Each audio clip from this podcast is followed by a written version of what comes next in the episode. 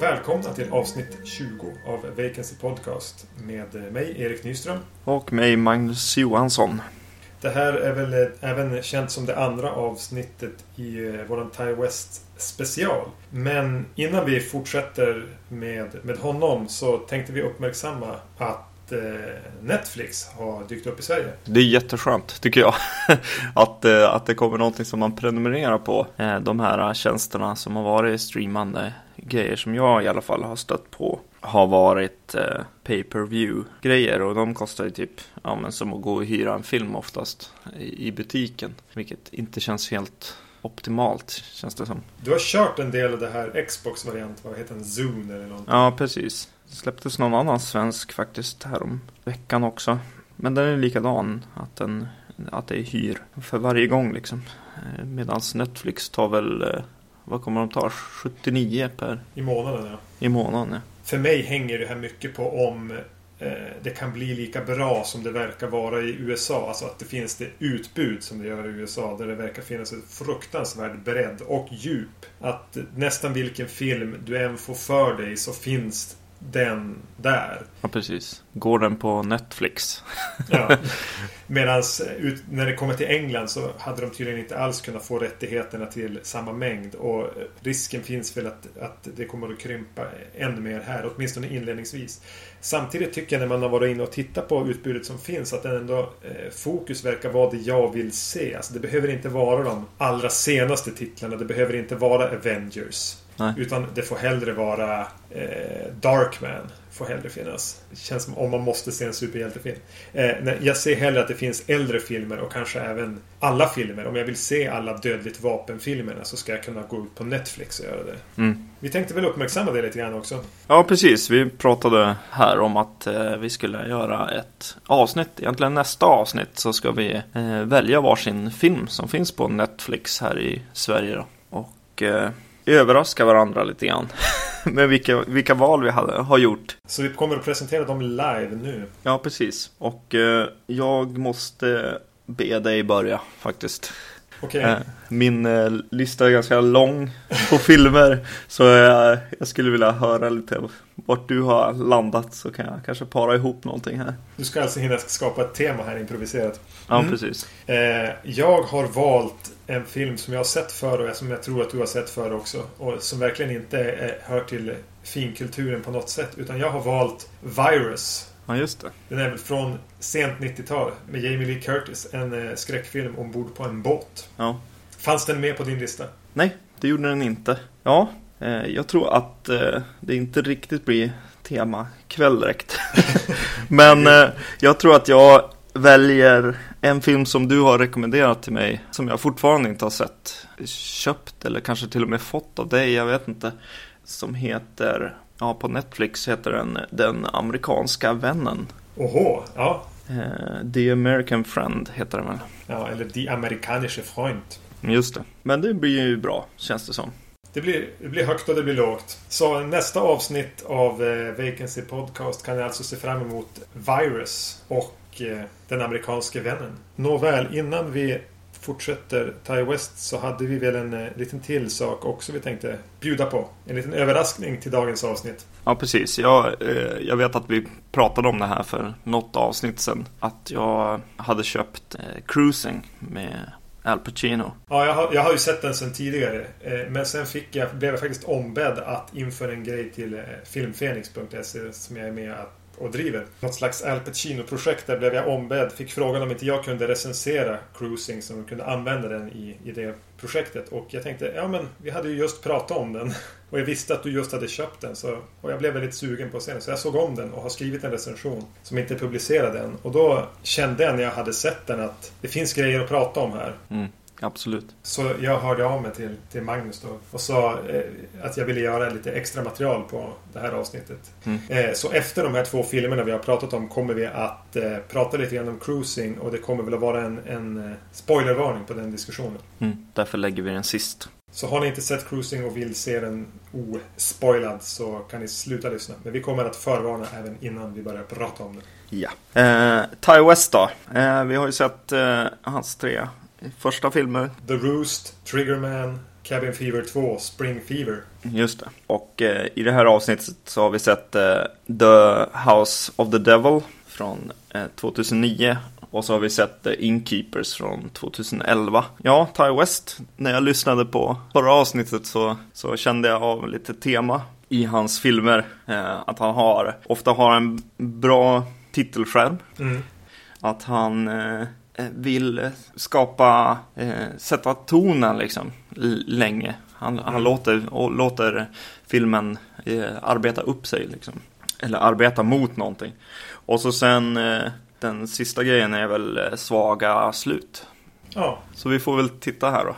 Om vi kan bocka av dem här också. Ja, vi börjar väl i kronologisk ordning och pratar om eh, The House of the Devil. Det här var väl filmen som gjorde att man fick upp, eller jag åtminstone fick upp ögonen för den. Jag eh, fick se en trailer till den, jag fick se posten för den som bara skrek eh, sent 70-tal, tidigt 80. Gammal, alltså att den verkligen lutade sig tillbaka mot en gammal typ av, av skräckfilm. Eh, och jag hade väldigt, väldigt höga förväntningar när den kom. Och jag vet att jag tror att vi pratade om den också, som vi, vi hypade upp den lite för varann. Mm. Den handlar om en ung kvinna som studerar på college. Hon vill flytta bort från att bo i, i korridor, dorm. Så hon hyr ett rum i ett hus, eller om hon hyr hela huset. Eh, och inser ganska snabbt att hon inte alls har råd med det här, så hon behöver hitta ett extra intäkter. Hon uppmärksammar en lapp där någon ber om eh, akut behöver hjälp om barnvakt och nappar på det. Och efter lite strapatser åker hon ut till det huset som ligger långt ute i skogen. Där hon möts av en märklig man som förklarar att det inte är ett barn hon ska vakta utan en, hans frus äldre mor. Ganska snart så står det ju tydligt att det, det, det, någonting är, är väldigt, väldigt fel när hon blir ensam i huset. Precis. Jag tycker den här filmen börjar enormt starkt från första liksom bilden egentligen. Kameran smyger genom det här huset som hon ska hyra rum i, eller hur det är. Och det är jättegrynig bild. Och man åker långsamt mot eh, en eh, tjej som står vid ett fönster. I, hon har mössa på sig och står väldigt stilla. Och man eh, skapar någon slags mysterium redan i, i första bilden här. Så väldigt stark början på något sätt. Tilläggas bör väl kanske att den även utspelas eh, tidigt 80-tal. Ja, precis. Den, ja men säg 1981. Jag vet inte om det står i början eller inte.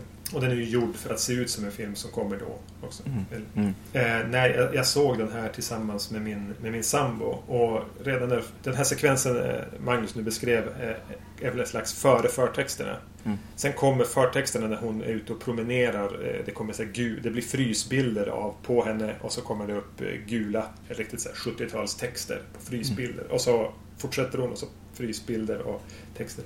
Hon frågade min sambo som var ganska oanande till vad det var jag satte igång för film. Och, när, när är den här ifrån? Ja. Jag bara, och då var jag tvungen att, att, att, fråga liksom, när tror du den är ifrån? Och då sa hon ja tidigt 80-tal någon gång. Ja, roligt. Jag bara sa det. Ja, verkligen. Jag sa det. Ty West som har gjort den nu, han skulle bli glad om han hörde dig säga det. Ja, ja vad kul. Mm. Eh, jag måste ju nominera den här till hans absolut snyggaste titelskärm. Ja, ja fruktansvärt snygg.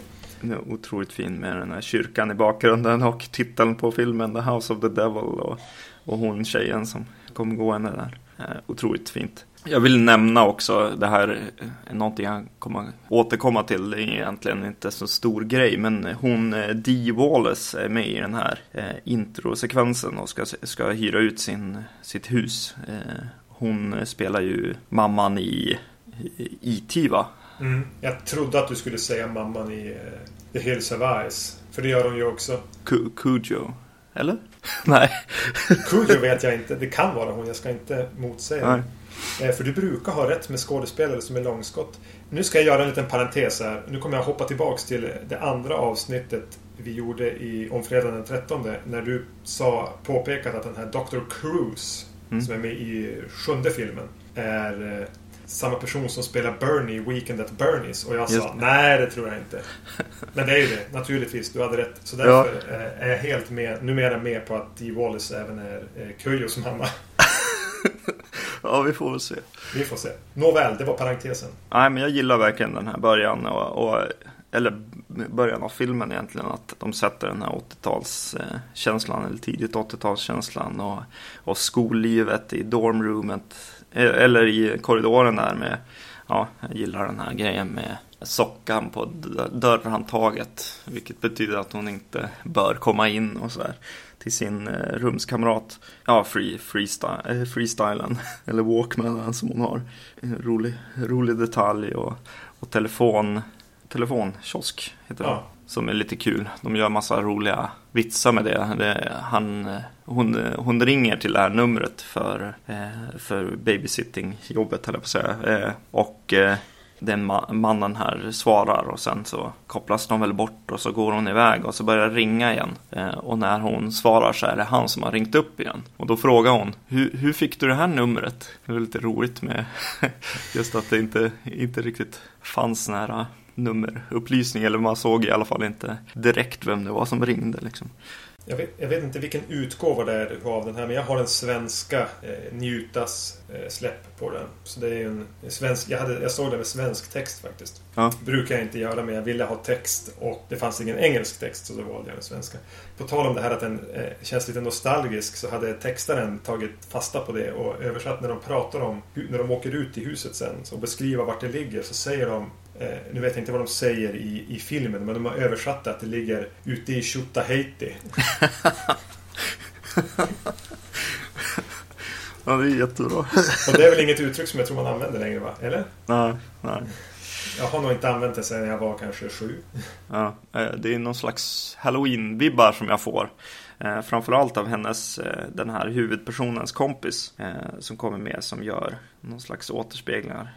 PJ Souls i karaktär i Halloween. Mm, totally. Och ja, nej, det är roliga scener med dem tycker jag. Eller med henne framförallt. Ja, jag gillar hon som karaktär jättemycket. Ja. Lite, så här, lite, lite, lite för bullrig och lite för kantig på något vis. Lite grann som Janne Långben. Ja, hon sätter ju liksom sin roll direkt verkligen. Och vet vad hon är med i och vad hennes roll är i filmen också. Och här är det återigen det här långsamma.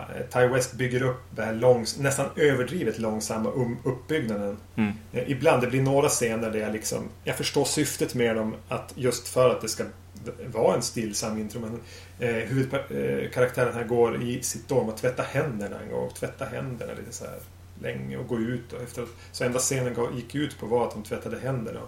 Även bilresan, hon får skjuts ut till eh, huset där hon ska vara barnvakt av kompisen. Och den är väldigt lång. De pratar väldigt mycket i bilen. Lite så här scener som man skulle kunna låta ligga på klipprummets golv. Men de är där för att vagga in en i det här stillsamma, långsamma, rofyllda nästan uppbyggnaden. Ja, absolut. Just på campus, eller vad man ska säga, kan jag tycka att det är lite svårare liksom med de här långa, eh, långa grejerna. En del liksom av, av de här grejerna. Framförallt så tycker jag att hon, eh, Samantha-karaktären, hittar, eh, eller hon eh, skådespelerskan, hittar direkt rätt på något sätt när hon väl kommer till huset. Innan dess så känns det som att det är lite för mycket, ja, för, för henne så är det ju lite för mycket att tänka på runt 80-talet och ja, nej jag vet inte. Det blir lite mycket setup med alla de här freestyle-grejerna och hon måste liksom bete sig på ett sätt liksom. Men sen när hon kommer in i huset så börjar det ju vara vilken tid som helst. Mm. Alltså när hon är ur sitt element så känns hon som att hon är i sitt element, om jag säger så. ja, nej, det är lite speciellt kan jag tycka där. I eh, Triggerman nämnde jag exakta antalet minuter in i filmen som det händer någonting. Mm. Eh, jag ska inte säga det nu, eh, för det blir en liten spoiler. Mm. Men det är exakt samma antal minuter in i den här tills det verkligen händer någonting som får en att reagera. Exakt lika långt in i båda filmerna. Ja. Den här eh, House of the Devil har ett ganska annorlunda upplägg egentligen. Där vi har först ett ganska långt parti av filmen där inte skräcken existerar nästan. Det, det, är en uppbyggnad. Sedan händer det där som jag pratade om, väldigt tvärt. Och efter det får vi ungefär ett lika långt parti då vi vet att någonting är fel. Mm. Huvudkaraktären vet inte riktigt om det och det är den här delen av filmen när hon smyg, går runt i det här huset där hon ska sitta barnvakt och börjar mer och mer få en, en dålig känsla. Och sen har vi en slutfrenesi som är kanske 10 minuter. Mm. Jag tycker det är ett ganska udda upplägg på en film. Det är väldigt stor del av filmen som läggs på att inte... Det, det händer inte så mycket överhuvudtaget. Och extremt lite tid som läggs på slutet. Ja, precis. Tycker du det fungerar? Ja, Eh, det var så roligt. Jag har, sett, jag har sett den här lite för många gånger så jag hade lite problem att ens komma igång och se den. Det här var den sista jag såg liksom innan, innan vi skulle spela in här. Eh, för att jag har sett den ganska många gånger för jag gillar verkligen den här filmen. Eh, jag gillar verkligen de här partierna. Det här första här 80-tals Eh, och lite halloween-aktiga början och så eh, det här när hon smyger, smyger omkring och egentligen arbetar upp sig själv till någon slags skräckstadie här. Men eh, jag kommer ihåg att just innan jag skulle se den här så var jag så så vet jag att jag har varit väldigt besviken på just slutet. Mm. Att det känns som att han har haft alldeles för bråttom det känns som att han har haft en viss tid att spela in den här filmen nästan. Och eh, mot slutet så, så fanns det liksom ingen tid kvar. Så, så upplever jag det när jag ser det. Att eh, den här eh, intensiva slutet har en massa tagningar som inte är de bästa. Ibland så har den inget att klippa till när den egentligen behöver klippa mer ofta. Så det blir någon slags ja, dåligt tempo i det. Och sen finns det en eh, scen med Tom Noonan där han rent borde ha regisserat den mer. Mm. eh, och eh, lagt lite mer energi på, på, på den scenen på kyrkogården. Jag håller med. Jag håller med. Det blir väldigt hastigt på slutet och det känns som att antingen att tiden tog slut eller att Ty Wests ork tog slut. Han mm. gillade att sätta upp den här långsamma eh, Halloween-inspirerade början eller det här långsamma smyga runt i, i ett eh, fantastiskt hus. Mm. Men när han då var framme vid klimax så var han less. Det, han ville mm. bara få det överstökat. Det är lite den känslan man får. Och det är ju väldigt, väldigt synd. Mm. Ja, det var på det här kommentarspåret han sa att han, han vill helst inte jobba mer än 16 dagar med att filma en film. Ja just det, ja. du nämnde det i förra. Ja, det är lite roligt att det är just den här som känns, känns av att så här, oj nu, nu börjar det vara stressarbete här. För, för resten av filmen har ju otroligt fin, den är ju fint filmad också. Ja. Och ljusat och härliga åkningar, långsamma åkningar som är väldigt fina. Och, nej, det, lite konstigt slut. Men, men det är ju, eh, det känns som att det är hans, hans eh, akilleshäl lite mm. grann också. Han har, han har lite svårt att äh, sätta en bra slut egentligen på en film. Han, han är nog mer intresserad av just det här uppbyggnaden och det här lite, ja, försöka bygga upp en stämning snarare än berätta en historia kanske. Mm. Jag börjar fundera om Ty West inte borde... Alltså nu gör han ju ändå ett försök att åstadkomma något slags slut. Jag mm. tänker att han rent medvetet ska, ska bara skita i att ha ett, ett slut. Mm. Låt bara filmen sluta istället. Eh, alltså göra något slags anti-slut. Mm. Att tänka att eftersom han ändå har en sån ovilja och oförmåga att, att åstadkomma ett bra slut kan han väl anamma det och skita i att försöka ens. Ja. Det låter luddigt men, men eh, jag skulle vilja se han göra ett medvetet icke-slut. Eh, det här var, eh, du har sett den ett par gånger så det här var faktiskt bara andra gången jag såg House of the Devil. Okay. Första gången så hade jag ju den här hypen. Jag var väldigt peppad på den. Min kompis Marcus var minst lika peppad. Han hade beställt efter någon eh, brittisk utgåva eller vad som var tillgängligt först. Och vi såg den där liksom nästan så här andaktsfullt. Och visst, jag tyckte väl den var okej okay då. Jag var, men jag var ändå, då var jag lite besviken. Jag tyckte inte jag fick någon payoff. Ordentlig payoff. Och mm. den var inte jag hade för höga förväntningar helt enkelt. Mm. Medan den här gången när jag såg om den och såg den som den fjärde filmen i den här stegringen eh, så tyckte jag mycket bättre om den. Jag sögs in i den mer. Jag tyckte det var riktigt spännande när, när hon går runt i huset. Och Även om slutet fortfarande är det slut det är så mm, Det stör mig egentligen inte jättemycket. Nej. Eh, efter jag hade skrivit allt det här om om eh, det här slutet. Vilket jag faktiskt skrev redan innan jag såg slutet. Jag satt och skrev medan jag såg filmen. skrev från minne egentligen. Och eh, jag tror att, som du säger, förväntningarna är en stor bit här för att sen skrev jag liksom, eller har jag, har jag fel? Det kanske är liksom så här det ska sluta och så här det ska vara. Men eh, ja, nej jag vet inte. Men den har ju fortfarande problem helt klart. Men eh, jag kunde uppskatta, uppskatta eh, slutet mer den här gången faktiskt. När jag var väldigt förberedd den här gången på att tycka illa om det faktiskt. Mm. Så det kanske bara är, om det är någon som lyssnar som inte har sett House of the Devil kanske det bara är bra om vi sablar ner slutet riktigt ordentligt. Så de kan bli positivt överraskade av det. Det är fortfarande en bra film. Jag tycker man ska se den. Ja, absolut. Eh, det känns definitivt som någonting man ska se om man gillar skräckfilm, höll jag på att säga. Nej, men nästan. Det är inte många skräckfilmer som görs nu för tiden som, som är bra. Nej. Och det här känns, känns eh, definitivt som en bra, bra film. Tror du, den här, tror du The House of the Devil fungerar för slentrian skräckfilmspubliken? De som har gått och sett så filmerna på bio, yngre generationen. Kan de uppskatta House of the Devil eller är den för 80-tals nostalgisk och långsam? Ja. Eller 70-80-tals nostalgisk? Uh, ja, den, den får ligga och sväva den här frågan, absolut. Jag, jag fick en stark känsla av en film som jag hade nästan glömt bort eh, fanns från 80-talet. Eh, och eh, från en scen som jag faktiskt hade glömt bort från den här filmen. Hon hittar ett foto en gång i filmen. Om du minns det. Ja, ja. Mm. Mm. Ja, det, det hände något i mig som fick mig att tänka väldigt mycket på En jävel till granne. ja. ja. Eller The eh, Burbs. The Burbs med Tom Hanks. Ja. Men eh, sett i, i, ljuset av de tidigare tre filmerna som vi såg i förra avsnittet så är det här ett, ett ganska gigantiskt kliv mm. framåt och uppåt för Ty West. Ja, man undrar lite vart det kommer ifrån eh, alla eller den känns ju dyr liksom. Den känns ju påkostad samtidigt liksom. Just mm. framförallt foto och musik kanske.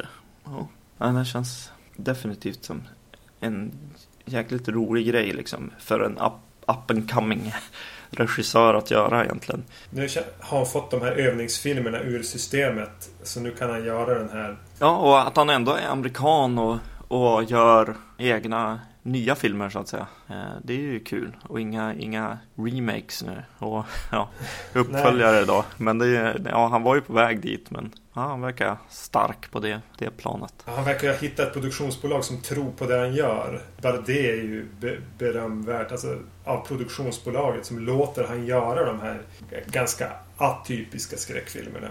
Om man nu får fortsätta göra den här stilen som ju verk verkar vara det han förmodligen vill göra. Ja, definitivt. Leder det in oss på The Innkeeper kanske? The Innkeepers. The Innkeepers, ja just det. De var ju faktiskt två där. Ja, The Inkeepers 2011. Den handlar ju om eh, två Inkeepers som jobbar på ett, ett inn, en liten hotell. Det, eh, innet ska stängas och eh, det här är sista liksom dagarna egentligen innan stängning och de får en del gäster under, under de här dagarna som de måste eh, hålla koll på och ge, ge ut handdukar till. Medan det här händer så håller de på att eh, eh försöka fånga innets eh, spöke egentligen. Eh, de, eh, de försöker fånga den på film eller spela in eh, ljud från eh, det här haunted innet eh, och försöka hitta spöket innan de, medan de fortfarande kan helt enkelt. Ganska stillsamt som det låter. Eh, det här är tredje gången jag ser The Inkeepers Och det är lite, lite noterbart med tanke på att den, den släpptes på DVD i Sverige i kanske mars-april någon gång i år. Eh, men jag har, skrivit, jag har skrivit en recension på den så den finns recenserad på Film Fenix. Eh, vi kan länka till den recensionen för den som vill läsa.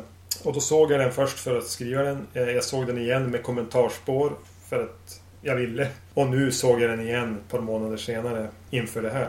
Så det känns som jag har översett eh, The Inkeepers på lite väl kort tid nu. Men du hade inte sett den tidigare? Nej, det här är första gången. Ja, det var ju eh, roligt att få se en ny film. och uh, det första som hände var ju att uh, jag blev negativt inställd från början på grund av... Får jag gissa kapitelindelningen? Ja, det var nog tidigare än så till och med. Det var introtexterna. Det var otroligt fula introtexter tyckte jag. Det kändes väldigt mycket så här ospökfilm eller 90-tals eh, slasher egentligen. Eh, ja, nu, nu föll det på plats hur de ser ut. Ja. ja. Ja, jag blev väldigt... Du blev lite besviken på Ty West som du har hyllat hittills för hans, för hans förtexter och titel. Precis. Nej, det var typisk eh, skitfilmsintro. Eh, och så sen, ja precis, kapitelindelningen kom ju sen.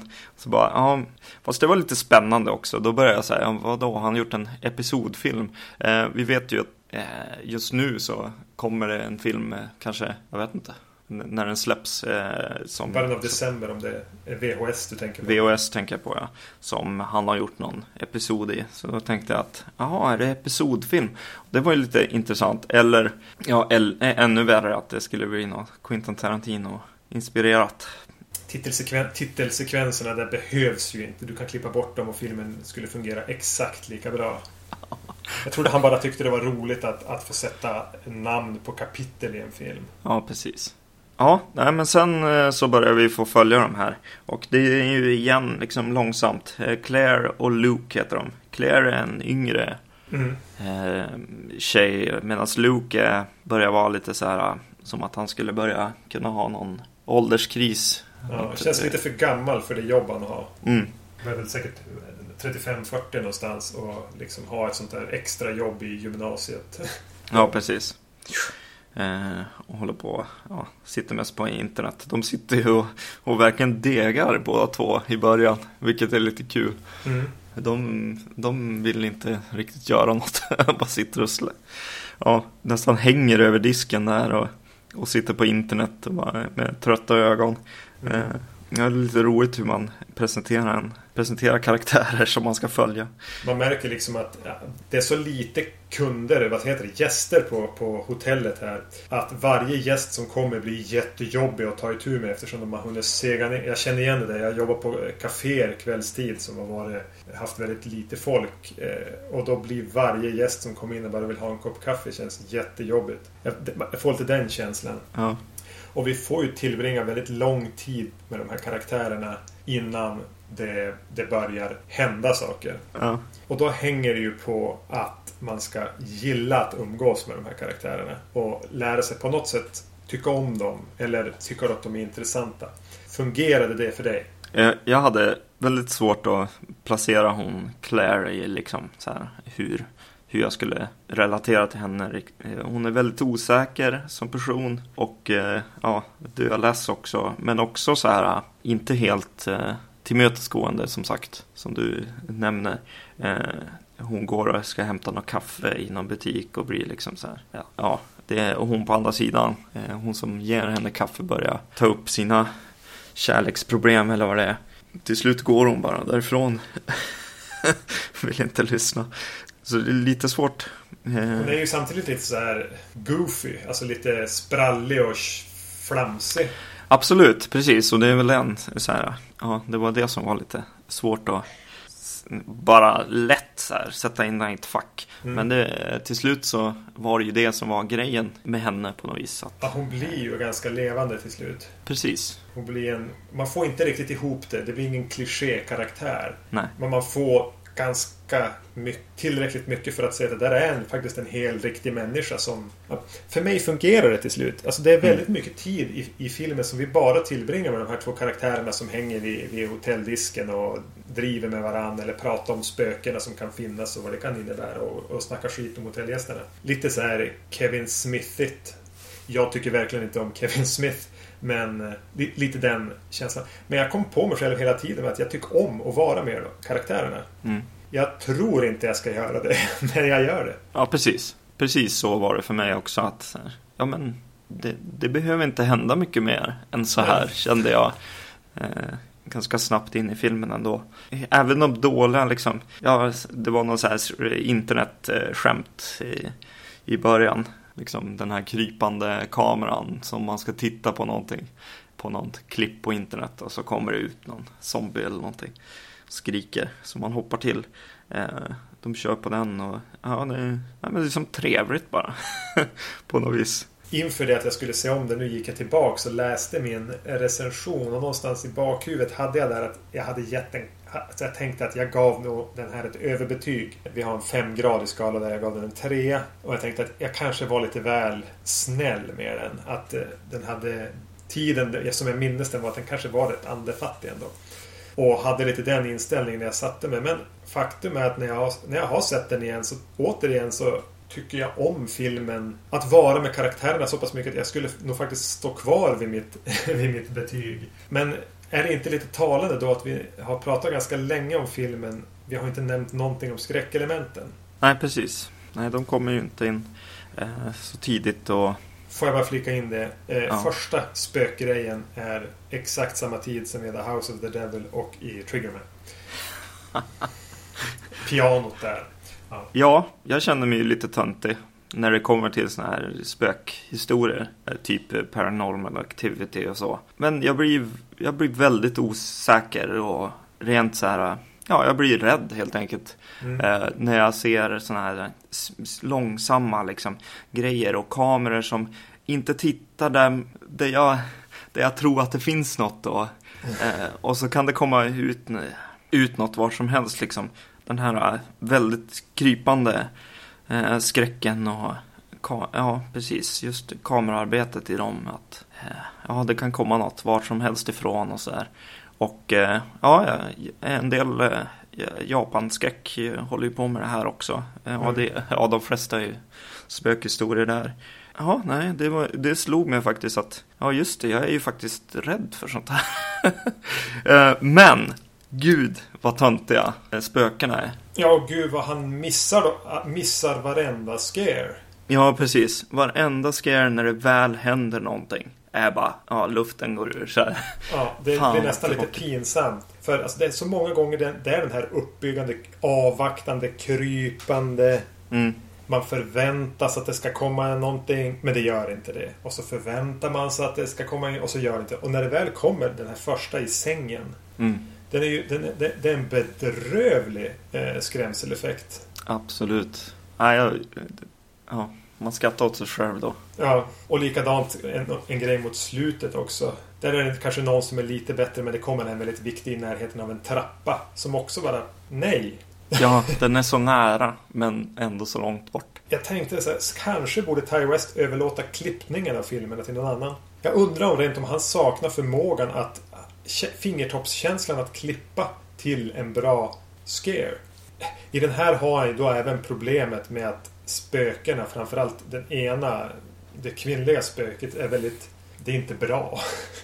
Det ser ut som någonting som någon man känner skulle ha klätt ut sig på Halloween om de hade bråttom. Ja, precis. Nej, det är inte bra. Eh, det är väldigt synd med den här. Just när han, han lyckas så mycket på, för mig i alla fall, att Ja, uppbyggnaden till alla de här skräck, eller till många av de här skräckgrejerna eh, funkar väldigt bra på mig. Men, mm. ja, men punchlinen, ja, nej, det är väldigt tråkigt. Och det är så synd när man, för de här åter, precis som i House of the Devil, eh, huvudkaraktärens kompis där, som man börjar gilla. På samma sätt börjar gilla de här. Och det fungerar på ett sätt väldigt bra. Mot slutet så hamnar en av huvudkaraktärerna här i en situation där hon har råkat ut för någonting. att det är riktigt jobbigt att se personen så. Mm. Jag vill verkligen inte att den ska bli utsatt för det här. Det ser ju, ja, ja, man vill inte. Så man, jag, jag lider verkligen med, med personen. Men mm. eftersom det är så många av, av det viktiga i filmen som missar. Mm. Så det är så synd. Ja, det är otroligt synd. Sen, ja, en grej som slog mig var ju hon eh, från, tjejen från Top Gun. Ja, ja. Kelly McGillis. Ja, precis. Eh, är med i någon slags eh, karaktär här, en ex-skådis. Precis, och då börjar jag tänka eh, tillbaks. Bara, vänta nu, vänta nu. I The House of the Devil är Dee Wallace med i början. Och i commentary tracket till den filmen så pratar Ty West om hur spirituell hon har blivit. Och hur mycket eh, att hon kommer med liksom såna här små, små trinkets och stenar och, och mm. håller på. Det är så, så roligt att ha, ha det här i minnet. För att han har ju skrivit henne. Han har mm. skrivit Dee Wallace i den här filmen. Fast sitt sätt att se på den. För, för hon, Kelly McGillis här. Hon spelar mamman i någonting. har, ha, eller har spelat mamman i någonting. Som folk, i, i alla fall unga, liksom den här unga tjejen, Claire, har sett när hon var liten. Och, Har nostalgiska minnen av henne som Ja. någon karaktär. Ja. precis. Och just att hon, att hon nu mer håller på med spirituella saker och, och andevärlden på något vis. Ja, det är lite roligt. ja, just att eh, för det här hotellet, The Yankee Peddler Inn, som filmen utspelar sig på, var... Det är ett riktigt hotell. Och de bodde på det när de spelade in House of the Devil. Ja, okej. Jag säger de, pratar om på kommentarspåret. Så, tyck, hur tycker du att han behandlar dem? Det då är, han har skrivit in Dee Wallace i, i filmen. Ja. Är han eh, respektfull mot henne då? Nej, jag vet inte. Eh, Det känns som att eh, det är en, eh, en vad ska man säga, en, en ung mans syn på sådana här saker på något vis. Mm. Lite grann. Det blir ju parodi lite grann av hennes karaktär tycker jag. Ändå. Kände du igen Kelly McGillis? Ja, det gjorde jag. Jag läste namnet i, i förtexten. Bara, Kelly McGillis, v- vem är det det är? Det, det här känner jag igen. Det är ett bekant namn. Jag ska hålla utkik. Är inte någon... Och jag tror tanken får genom huvudet på mig. Är inte hon från Top Gun? Mm. Och så såg jag filmen och kom på den någon gång mitt i. Nej, men hon har ju inte varit med än. Och såg filmen till slutet och så såg jag igen. Bara, nej, men jag blandade ihop Kelly McGillis och någon annan när jag såg vem hon spelade. Jag var tvungen att gå på IMDB och kolla. Men det är hon. För hon Ja. har ju ändå blivit en, en, en äldre kvinna. Alltså, och nu pratar vi inte jättegammal. Vad kan hon vara? Drygt 50. Mm. Men hon, hon ser ut som en... Alltså hon ser ut som någon som skulle, jag skulle kunna jobba med på mitt jobb. Jobbar jag med Ja. ganska många kvinnor i 50-årsåldern. Hon Ja. ser inte ut som en extremlyft eh, före detta snygging på 80-talet. Nej, precis. Det finns någon, någon bild faktiskt som jag har sett tidigare på nätet när hon återförenas med eh, Tom Cruise. Ja. Det blir lite roligt faktiskt att tänka Hon ser på. ut som hans mamma eller... Ja, precis. Att tänka på att Tom Cruise faktiskt är sådär gammal han också. Eller vad man ska säga. I den där åldern. Ja, Vi kan väl inte säga att, att Ty West tog ett steg framåt och uppåt igen med The Innkeepers. Eh, Den är väldigt lik House of the Devil på många sätt i just känslan. mm. Men eh, han lyckas ju inte ta det vidare. nej, nej, precis. Eh, han försöker ju på något sätt skrä... Ja, nej. Du säger ju det, att det är precis samma tid. Eh, men det känns som att slutet är längre, eller de, de faktiskt försöker göra någonting här. På något sätt. Det är ett mer ambitiöst slut kanske. Han hade inte... Nej, och det känns som att eh, filmen är lite mer traditionell. Eh, kanske. Eh, men, eh, nej men eh, det är just det där. Jag skulle faktiskt ha full förståelse för dem som eh, nog tycker att den här filmen är ganska trist alltså. Jag tror att det finns många där ute faktiskt som, som är av den eh, åsikten om den här filmen. Men eh, samtidigt så, ja nej, jag fastnar lite för karaktärerna som sagt. Och eh, ja, och så sitter jag och är genuint liksom rädd när jag ser den. Men eh, det är ju mer någonting jag har upptäckt med mig själv snarare.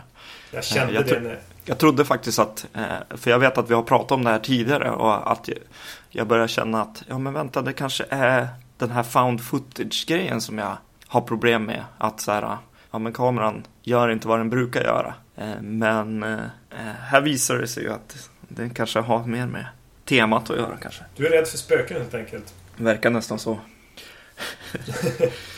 ja, precis. Och mot slutet, oj vad det är. Nej, gå inte dit. Är du dum i hela huvudet? Skräck. Ja, man ska verkligen ropa det. Hela tiden. Det här är roligt. Eh, Jag måste ju ändå erkänna när filmen är slut och jag, jag hade sett den när jag såg eh, två filmer på samma kväll. Jag hade sett The Serpent and the Rainbow, Wes Craven-filmen före. Eh, och sen upptäckte jag, oj klockan var ju ingenting. Jag slår igång The Innkeepers också. Så, har jag, så, så, så är jag redo inför vi skulle spela in. Vilket jag, och då var klockan, då var, blev det lite sent. När den, det var helt mörkt ute och mörkt i rummet. Och, och det, ändå, då känner man lite ett obehag. Man har inte haft en fantastisk upplevelse av en fantastisk film, men den lyckas ändå förmedla en liten känsla av, av obehag. Att Mm. så jag ville som gå och tända taklampan ändå. Ja, På ett sätt som jag nog inte kände av The House of the Devil. Men däremot kan jag tycka att den är mycket, en mycket bättre film. Jag skulle säga att jag blev räddare för The Innkeepers. ja precis. Eh, The House of the Devil är, eh, menar du då är en bättre film, ja. Ja. Ja, precis. Eh, eh, igen så ja, jag får lite problem med det här slutet. Det finns en epilog bland annat i filmen. Och jag bara, ja men vad, vad är det som händer? vad, ville, vad vill den säga nu liksom? Ja. Du behöver inte svara på det men den, den lämnar mig väldigt konfunderad över så här. Ja, men varför, varför fortsatte den en bit till och nästan en till liten bit? Och det här känner jag att jag har sagt förr, i förra avsnittet. Du nämnde det om Cabin Fever 2 ja. Mm. Ja, precis. Han har svårt med slut och så här och ibland så verkar det som att det resulterar i att den, den fortsätter en liten bit till. Mm. Helt i onödan. Inte att, att epilogen inte skulle finnas där, men den, den i sig fortsätter flera gånger känns det som. Ja, det, karaktärer går in och de går ut igen och de pratar där och den... Den andas som på på ett sätt som någon som vägrar dö. Precis. Bara en tagning till. Mm. Ja.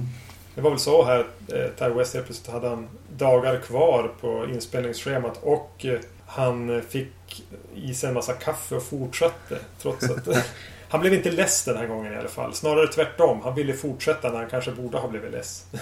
Just det. Vi kanske är klara om The Innkeepers. Ja, Ty West eh, knyt ihop säcken. ja. Är han det stora hoppet för skräckfilmen? Ja, nej det är han ju inte. Eh, Det tycker jag inte. Jag- Jag tycker helt... Han har, han har ambitionen och inställningen men jag tycker han saknar talangen tyvärr. Mm. Han har så, så stora problem med slutet eh, och han har inte fingertoppskänslan och tajmingen. Jag tänker om man jämför med en sån som eh, eh, både du och jag tycker väldigt bra om som Alexander Aja. Ja. Aja. Aja, hur man uttalar det. Som eh, ju är rent hantverksmässigt otroligt skicklig i, i att få till skrämsel och han vet hur man avslutar en film, han kan bygga upp den. Att han sen har börjat välja att göra en massa ganska ointressanta remakes istället för att göra någonting bra är ju en annan sak. Eh, Man kanske skulle försöka para ihop de två på något vis. Ja, just det. Nej, men eh, det är väl också, ja precis, för att återknyta till förra avsnittet egentligen, så är det ju lite grann vad man, ja som sagt, vad man kanske skulle göra själv om man Jo, gjorde film. jag kan, man blir lite smittad av hans kreativitet och, och skapar lusta som finns ändå. Att det här är någonting han verkligen har velat göra. Mm. det man kan känna och det är alltid en positiv krydda till de här filmerna. Ja, precis. Jo, men jag sjunker ju väldigt gärna tillbaks till liksom och titta på vad, det är, vad han gör och vad han vill och sådär. Men eh, ja, det hjälper ju inte den vanliga tittaren. Och Jag tror att förmodligen, ja just The Innkeepers alltså. Det känns, känns av att den, den snar, ja du frågade om, om eh, The House of the Devil. Om, om liksom den vanliga, eller den ny, nya skräckfilmstittaren eh, skulle gilla den. Så känner jag att The Inkeepers förmodligen blir förargar mer än vad den förnöjer för sådana. Jag tror att sitter man i biomörkret och förväntar sig en, ja, egentligen vad man kan förvänta sig av den. Så, så får man nog inte riktigt det. Ja, jag vet inte. Men som sagt, jag, ja, nej, jag tyckte ändå om, om den också. Just för det här eh, lunket på något vis och karaktärerna. Och så att den kry, krypande skräcken funkar på mig i alla fall. Vi tyckte som vanligt ganska lika om eh, båda filmerna. Eh, Mm. Och egentligen om alla Ty Wests filmer. Jag tror du tyckte bättre om The Roost, jag tyckte bättre om Triggerman. Mm. Annars är vi överens. Ja. Nåväl, det var vår Ty West special. Det var det. Ja, precis. Och vi hade ju tänkt att prata lite grann om, eh, eh, eftersom att vi båda bara har sett den nyligen, eh, Cruising. William Friedkins Cruising. Mannen bakom Exorcisten skulle jag säga. Det här handlar alltså om Al Pacino som går undercover i gayvärlden eller S&M-världen i New York för att eh, jaga efter en mördare som har mördat eh, homosexuella män. Och han får, han eh, går deep undercover. Precis. Tyckte du om, bara för att säga det, vad tyck, tyckte du om Cruising? Ja, jag, jag är stormgilla Cruising. Jag förstår nästan det.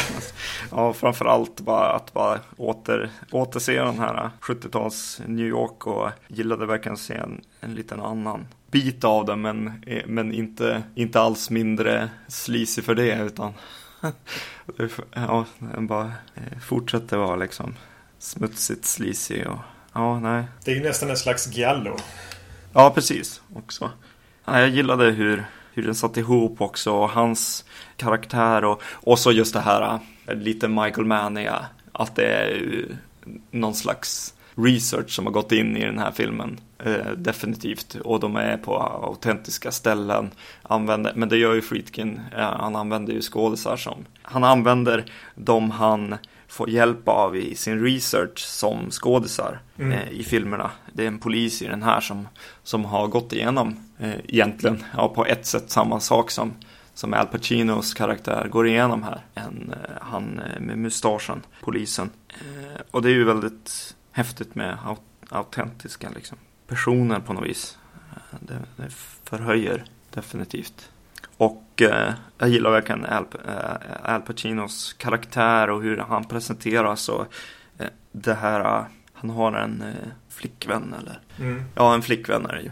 Eh, som han eh, ligger i sängen med i början och har fått det här uppdraget. Och de pratar om, om att hon på något sätt känner honom och vet allting om honom. Och han säger, ja du vet inte allt om mig. Och så säger hon, ja vadå då? Och så är det som, är han som bara tyst. Mm. Det gillade jag väldigt, väldigt mycket. Man, det är mycket som man, man får lägga till själv.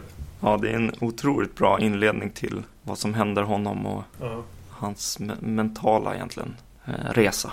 Han är, ju, han är ju riktigt bra här, Al Pacino. Han är ju, det är inte den här djävulens advokat Al Pacino som tuggar i sig scenerien utan han är ju väldigt återhållen. Mm. Eh, och även när han ska spela homosexuell var jag lite rädd när jag tänkte att nu kommer, nu kommer Al Pacino att göra liksom på samma sätt som han gjorde djävulen, djävulens advokat kommer han att spela homosexuell. Lika överdrivet och fjantigt liksom. Men mm. nej.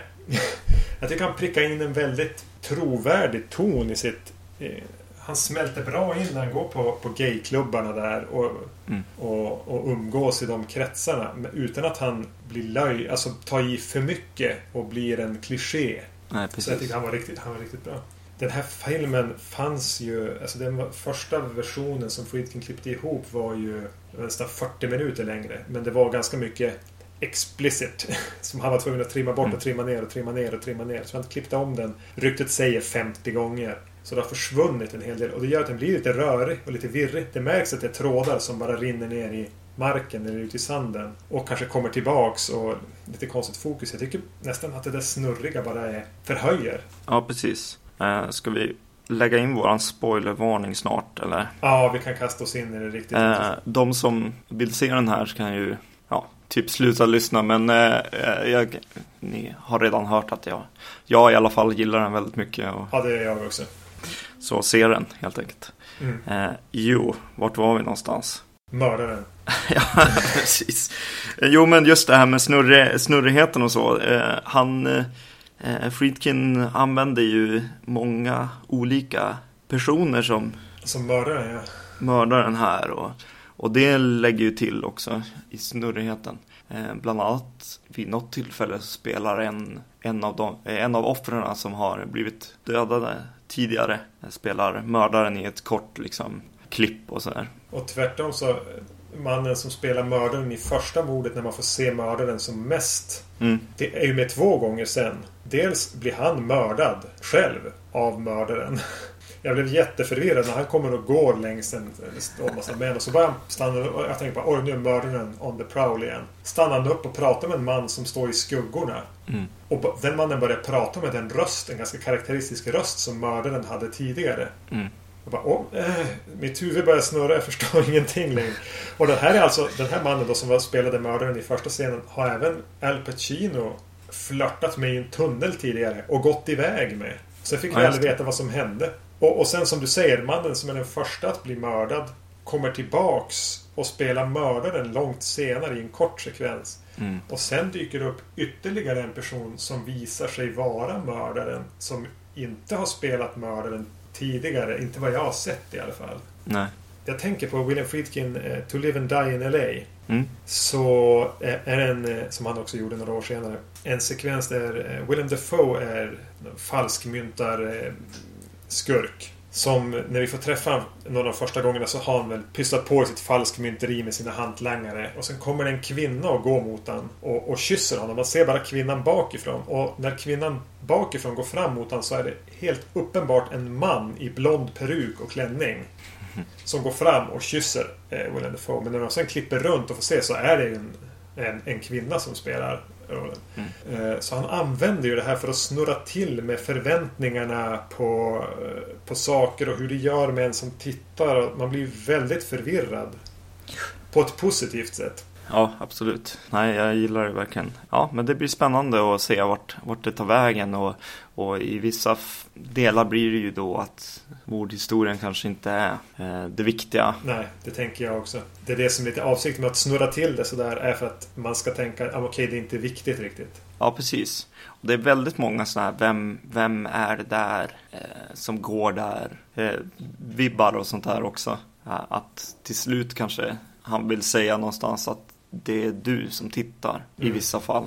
Eh, bland annat så går, går mördaren in, jag tror det är mördaren i början av filmen, går in i, i den här klubben. Och senare går, så är det Al Pacino som går in i klubben i samma, de använder samma klipp. Det är en mörkhårig kille liksom. Och eh, de använder den både för, för mördaren och för polisen. Eller vad man ska säga. Sen lämnas det ju även väldigt ambivalent om till och med det är Al Pacinos karaktär som är mördaren. Ja, precis.